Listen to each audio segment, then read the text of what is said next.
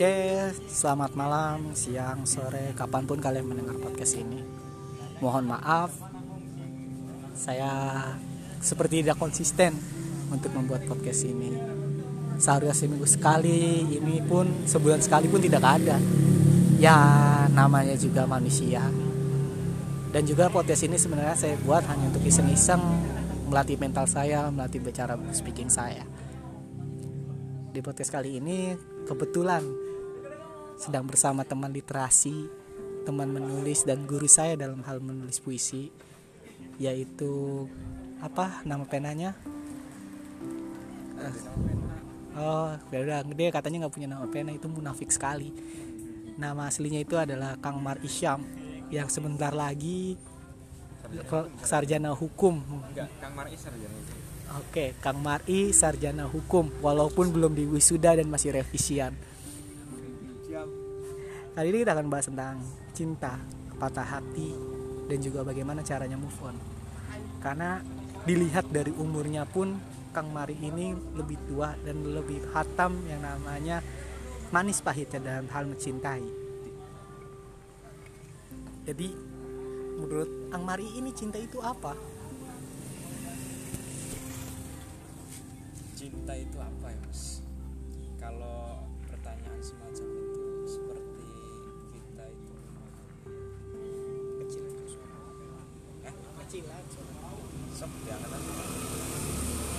kalau pertanyaan cinta itu apa? Setiap orang pasti punya penafsiran sangat begitu beragam ya.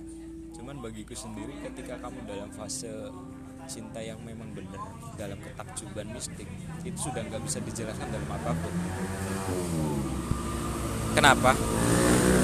Karena saya kira cinta itu kan soal perasaan. Rasa itu kan soal apa yang kita alami secara langsung. Jadi tidak ada untuk pembuktian empiris cinta itu adalah uh, A cinta itu adalah uh, B. Enggak maksudku kalau yo cinta yo kamu rasakan dan kamu alami. Itu. Meskipun pada akhirnya seumpama memang e, kita belajar banyak tentang buku-buku bagaimana memahami sebuah cinta. Enggak nggak usah lama-lama kamu berkutat di situ sebagai seorang pecinta yang sejati ya sudahlah kamu terjun saja ke dalam dunia yang berkecimpung atau dunia yang memang itu adalah sebuah kecintaan. Bahwa pada hakikatnya cinta itu sebenarnya bukan menjadi satu tolak ukur kamu memilih siapa pun yang kamu kehendaki. Malah justru sebuah cinta adalah menjadikan apa yang kamu lihat itu layak untuk dicintai ketika kamu melihat sesuatu hal tetapi masih pilih-pilih itu bukan cinta.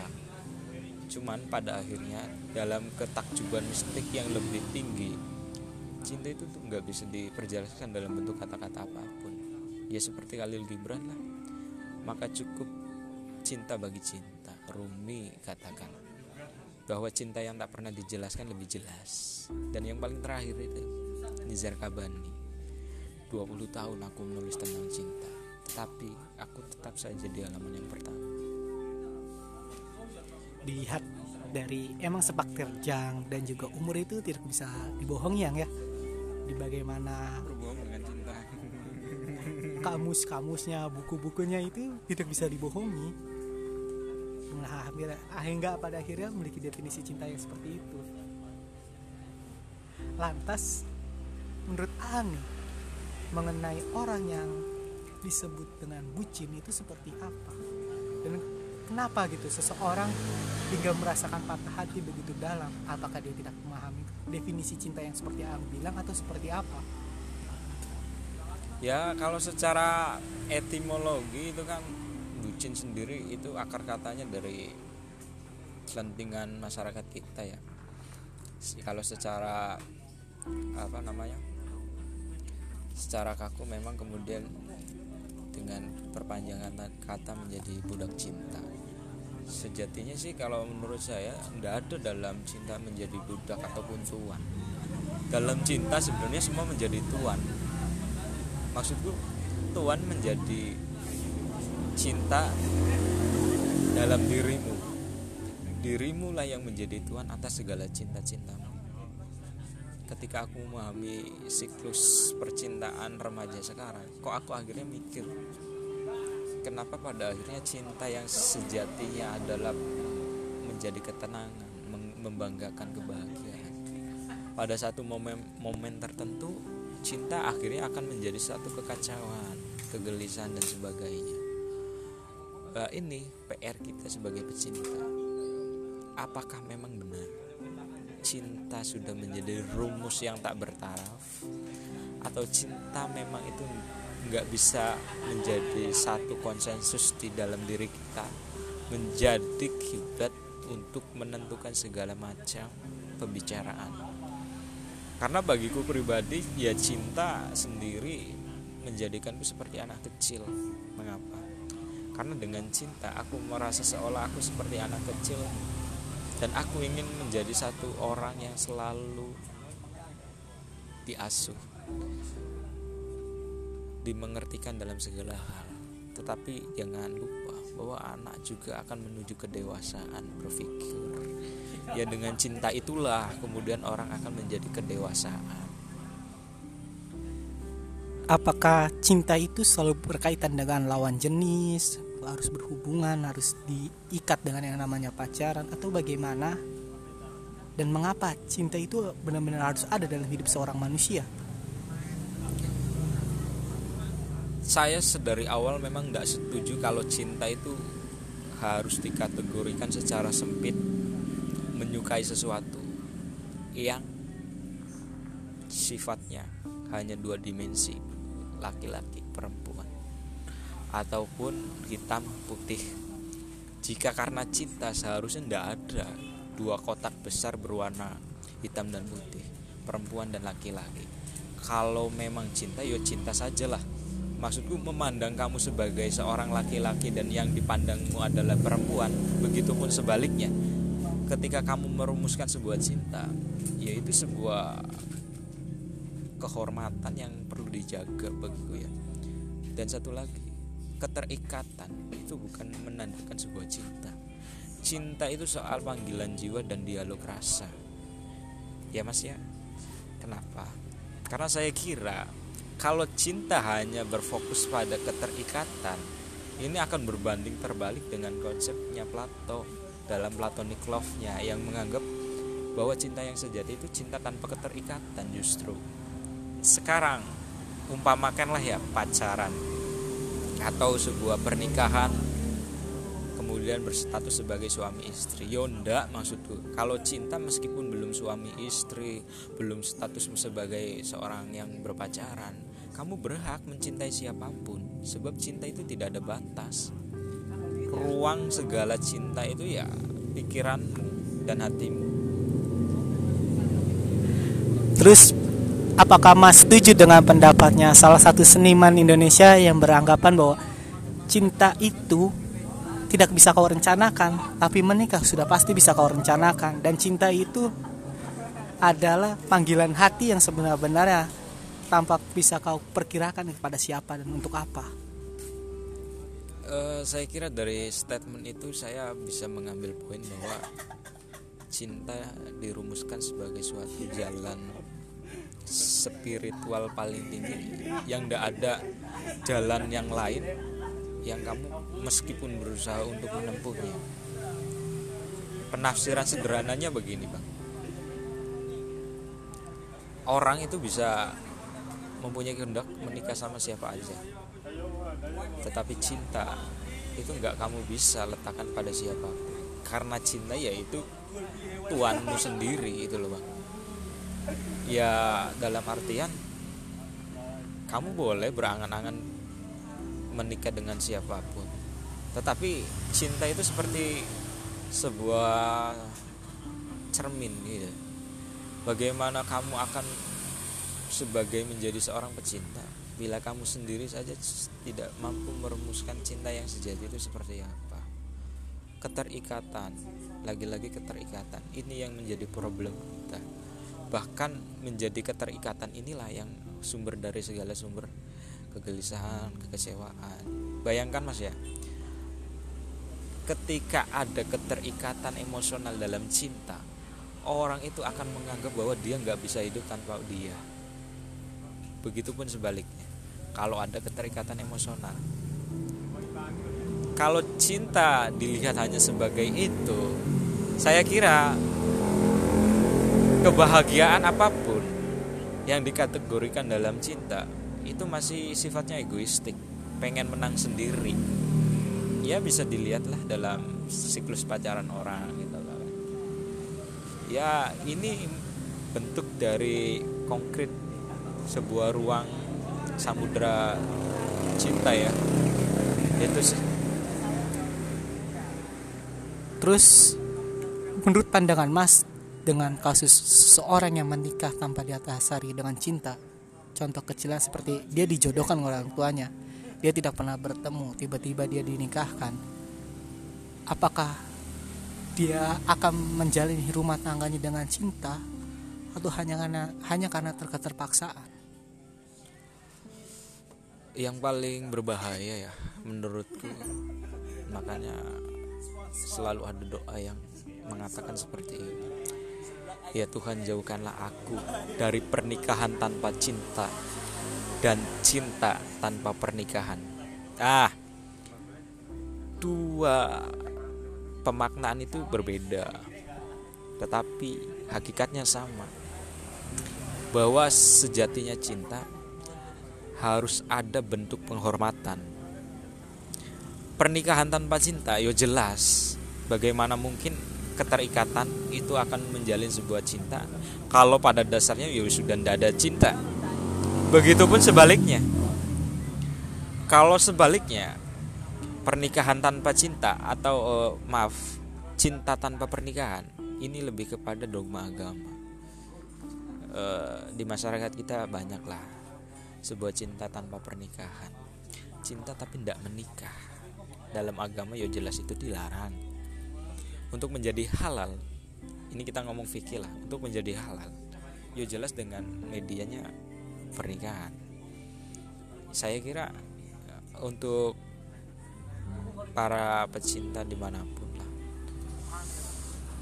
jangan pernah mensempitkan makna cinta harus dengan keterikatan lawan jenis bahkan keegoisan berpikir tentang cinta ketika kamu sebagai seorang pecinta apa pun yang kamu pandang jika itu adalah cinta kamu akan menghargai dan kamu akan bahagia menuai di sana Nah, di sini kan ada, ada sedikit yang menurut saya bagus lah. Kamu menghargai yang namanya cinta. Lantas bagaimana bagi mereka seorang pecinta, namun cintanya tidak dihargai hingga menimbulkan yang namanya patah hati? Itu bagaimana, Mas? seorang pecinta sejati itu ndak ada sebuah reward ya mas. Penghargaan. Saya katakan kenapa? Karena ketika yang menjadi patokan adalah reward penghargaan sebuah kebanggaan itu polanya masih berpikir pola masih dagang. Dicinta itu ya jangan komersil lah maksudku. Kalau yo cinta cintalah seperti Maulana Rumi Robiah Aladawiyah Gibran yang tanpa mengharapkan apa pun dari cinta. Itulah bang. Jangan mengkomersilkan cinta dengan mengharapkan suatu kebahagiaan di dalamnya. Karena ketika kamu sudah berharap ketika kamu mencintai seseorang harapan ini kan sumber daripada kekacauan. Bila mana harapanmu nggak terlaksanakan. Saya satu contoh ya. Semisal aku mencintai seseorang sedangkan apa yang tadi dipertanyakan kemudian orang itu tidak cinta balik ke kita malah kemudian melukai nggak menghargai cinta kita. Loh yo salamu dewe maksudku nyapo kowe menuai cinta di dia. Kan begitu. Tapi kalau secara lebih dalam ya kamu harusnya jangan mem- mempermasalahkan cintanya tapi keegoisanmu dalam cinta. Kenapa harus ada egois kalau kamu sudah jadi seorang pecinta? Kalau seorang pecinta ya itu sudah melupakan kewujudan dalam dirinya. Karena dalam seorang eh, pemikirannya para pecinta yang hanya dipikirkan hanya dia. Dia dia. Dirimu yang men- dirimu yang sebagai pecinta itu sudah lenyap kepada dia. Itulah cinta menurutku. Kalau kamu masih mengeksiskan dirimu dalam cinta saya kira itu belum cinta. Kamu masih dagang kamu masih pengen mencari keuntunganmu apa dari mencintai lo cinta kan nggak terumuskan seperti itu tuh mas. Kalau menurutku. Lantas reward atau penghargaan terbaik bagi dirinya sebagai bagi seorang pencinta itu apa? Jika kita tidak bisa mengharapkan apa ya walaupun iyo aku pun meyakini dengan apa yang Pak Tejo pernah bilang bahwa jika cinta masih hitung-hitungan itu bukanlah cinta iya aku memahami itu. Tapi hingga akhirnya itu apa yang akan didapatkan? Itu ya oleh seorang pencinta. Rewardnya lah bahasa kitanya. Ini cara kita menginterpretasikan sebuah cinta mas ya. Saya katakan lagi antara cinta dan egois itu tipis mas. Seperti kematian dan kehidupan. Kenapa? Karena biasanya orang yang mencintai pasti akan menuai harapan ketika ada keterikatan emosional. Coba saja kita bayangkan lah ya, kita mencintai seseorang tanpa keterikatan emosional. Seorang pecinta tanpa keterikatan emosional, dia nggak akan berharap lebih pada apa pun yang dia cintai. Saya malah lebih suka dengan quote-nya Putu Wijaya aku mencintaimu masalah kamu mencintaiku atau tidak itu terserah padamu. Ini sebuah ekstrim bukan? Tapi ya inilah aku. Aku mencintaimu silakan saja kamu cinta aku apa enggak. Itu urusan nah itu barangkali.